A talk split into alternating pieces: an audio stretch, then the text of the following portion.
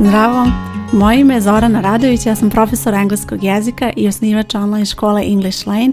Ovo što slušaš je English Lane podcast gdje pričam o korisnim savjetima i lekcijama za učenje engleskog jezika. U ovoj lekciji pričat ću o izrazima koje možeš da upotrebiš u konverzaciji, a zajedničko im je to da svi imaju reč vreme i to ne vreme u smislu vremenskih uslova, već reč time. Prvi izraz koji ću pomenuti je izraz on time i to znači na vreme.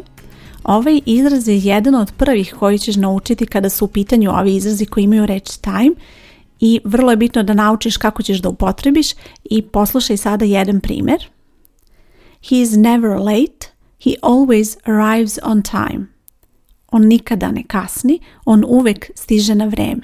Ovaj izraz on time prevodiš na vreme. Vrlo je bitno kada je u pitanju ovaj izraz da zapamtiš da se izraz koristi kao takav on time i nema člana.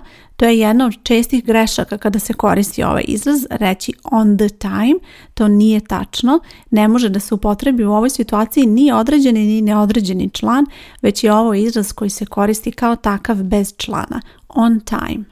Sljedeći izraz opet ima predlog ispred reči time i ume da bude dosta sličan kao prethodni, ali vidjet ćeš, napravit ćemo razliku. U pitanju je izraz in time. In time ima više značenja i može da znači na vreme, odnosno dovoljno rano pre isteka nekog roka. To je prvo značenje, a drugo značenje je vremenom, gdje je sinonim eventually. I preslušaj sada ove primjere. They accepted the change in time vremenom su prihvatili promjenu. Taj izraz in time je preveden vremenom i opet primećuješ da govorim in time, opet ne upotrebljavam član i ovo je izraz gdje nećeš upotrebiti član. Sada preslušaj ove dve rečenice. Will you be there in time for the train? Will you be there on time? Obe ove rečenice su dosta slične i mogu se upotrebiti u sličnim situacijama, ali razlika je kada upotrebljavaš in time ima ovdje neki nastavak koji je u ovom slučaju for the train i upotrebljen je taj izraz in time, a u drugoj rečenici nema nastavka i upotrebljen je izraz on time. Još jedan način kako možeš da razlikuješ ova dva izraza je da dodaš reč just. Kada treba da upotrebiš ove izraze i da proveriš da li si dobro upotrebila izraz in time, Probaj da upotrebiš just in time. Taj izraz in time se često u konverzaciji dodatno naglašava upotrebljavanjem te reči just i ako može da se upotrebi to i ako to dobro zvuči, onda ti je to pokazatelj da si dobro upotrebila izraz in time. Umjesto in time probaj da upotrebiš just in time. Sljedeći treći izraz glasi spend time Spend time znači provesti vreme i vrlo je bitno da zapamtiš taj prevod provesti vreme jer inače glagol spend znači potrošiti, ali u ovom slučaju kada se koristi uz ovaj izraz time, onda se prevodi provesti vreme. We spend a lot of time watching TV. Proveli smo mnogo vremena gledajući televiziju. To je eto situacija kada ćeš upotrebiti taj izraz i zapamti da osim time možeš upotrebiti i druge neke vremenske intervale uz ovaj glagol spend i to je recimo spend the day, spend a week i tako dalje. Kada koristiš izraz spend time, taj izraz je dosta neutralan i možeš ga koristiti u situaciji kada želiš da kažeš da provodiš vremena dobar ili na loš način, kada ti je zabavno ili kad ti nije zabavno. Još jedan izraz imamo koji se koristi u situaciji kada je negativan kontekst, kada je e, vreme potrošeno na neki loš način i odnosno uzaludno i to je izraz waste time.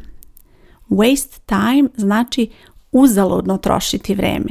Sada nećeš reći provesti vreme, nego potrošiti vreme ili uzalud trošiti vreme. Čak možeš nekad i prevesti traćiti, odnosno gubiti vreme.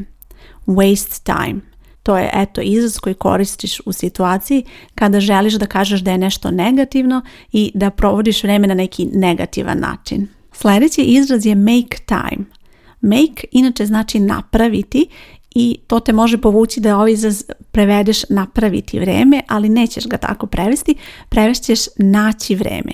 Make time, naći vreme za nešto i to koristiš u situaciji kada želiš da kažeš da možda nemaš dovoljno vremena, ali da ćeš naći vreme da uradiš nešto. I sada preslušaj primjer. I know we are all busy, but we will have to make time to discuss the new proposal.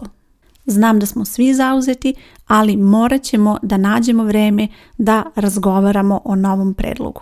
Da ponovim sada još jednom, imamo tri glagola i svaki se koristi uz izraz time. Imamo spend time, imamo waste time i make time. Sljedeći izraz koji ću pomenuti je time flies i to je izraz koji koristiš u situaciji kada želiš da kažeš da vreme brzo prolazi, odnosno brže nego što bi neko želeo i taj izraz se prevodi vreme leti. Primjer rečenice glasi ovako Time flies when you're having fun. Vreme leti kada se dobro zabavljaš. Sada imamo izraz spare time i umjesto te reči spare možeš reći i free. Free time. Dakle, ili jedan ili drugi izraz i odnose se na istu stvar. Spare time, free time, jedno i drugo je slobodno vreme. Ovaj izraz često koristiš u rečenici in my free time ili in my spare time ili možeš reći naravno neku drugu zamjenicu in your free time, in your spare time. I tada opisuješ u nastavku šta želiš i šta voliš da radiš u slobodno vrijeme. In her spare time, she likes to study English. Evo ovo je rečenica koja može da opisuje i tebe. U slobodno vrijeme, ona voli da uči engleski. I posljednji izraz za ovu lekciju i potpuno ima smisla da završimo lekciju sa ovim izrazom. U pitanju je out of time. Out of time je izraz koji se koristi da kažeš da nema vremena da se nešto dalje uradi i poslušaj sada primjer. We didn't finish the interview, we ran out of time. Nismo završili razgovor, ponestalo nam je vremena.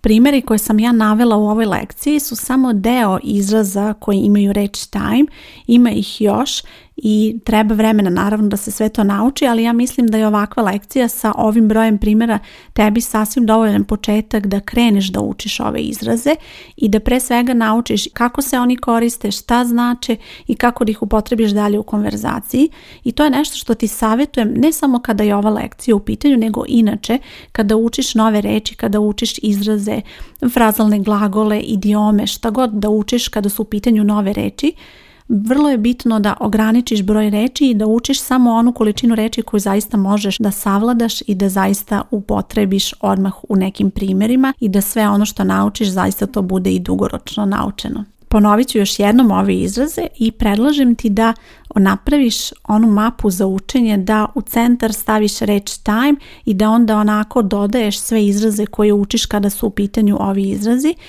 i ponovit ću ih zato još jednom. Imali smo on time, in time, spend time, waste time, make time, time flies, spare, odnosno free time i na kraju smo imali out of time. Kao što sam rekla, ima puno ovih primjera izraza koji imaju reč time i ja ću sada tebi dati zadatak da probaš sama da istražiš, otvori rečnik i probaj da nađeš ove izraze i da vidiš šta oni znače i kako se koriste. Neki od njih su at times, from time to time, time of your life, once upon a time, long time no see. Sve ovo su izrazi koje se verovatno do sada negdje čula u konverzaciji, u nekom filmu, u nekoj seriji i tako dalje i vrlo su korisni kao što vidiš za konverzaciju pa probaj sada sama na isti način da nađeš ove reči, da nađeš značenja izraza i da probaš da ih upotrebiš u rečenicama. Ukoliko si član moje online škole English Lane, na ovoj stranici gdje slušaš podcast vidjet ćeš sve ove primjere napisane, tako da možeš dodatno da provežbaš izraze, a dole ispod će biti i linkovi ka vežbanjima, tako da možeš da uradiš sve ovo i da provežbaš dodatno kako da upotrebiš izraze koji imaju reč time. Ako nisi član škole, a želiš da to postaneš, pa predlažem da to i uradiš, da to ostvariš, jer će ti to pomoći da zaista kreneš sa učenjem engleskog jezika i da se dobro organizuješ. Učit ćeš kroz online kurseve, grupne časove i razne druge aktivnosti koje su dostupne samo članovima škole. Na ovoj stranici gdje slušaš podcast ostavit ću link, pa ako te tako nešto zanima, slobodno pogledaj. Hvala ti što slušaš ove epizode i nadam se da su ti korisne ovakve lekcije i čujemo se uskoro sa novim savjetima i lekcijama za učenje engleskog jezika. Ja sam Zorana Radović, Čujemo se. Ćao!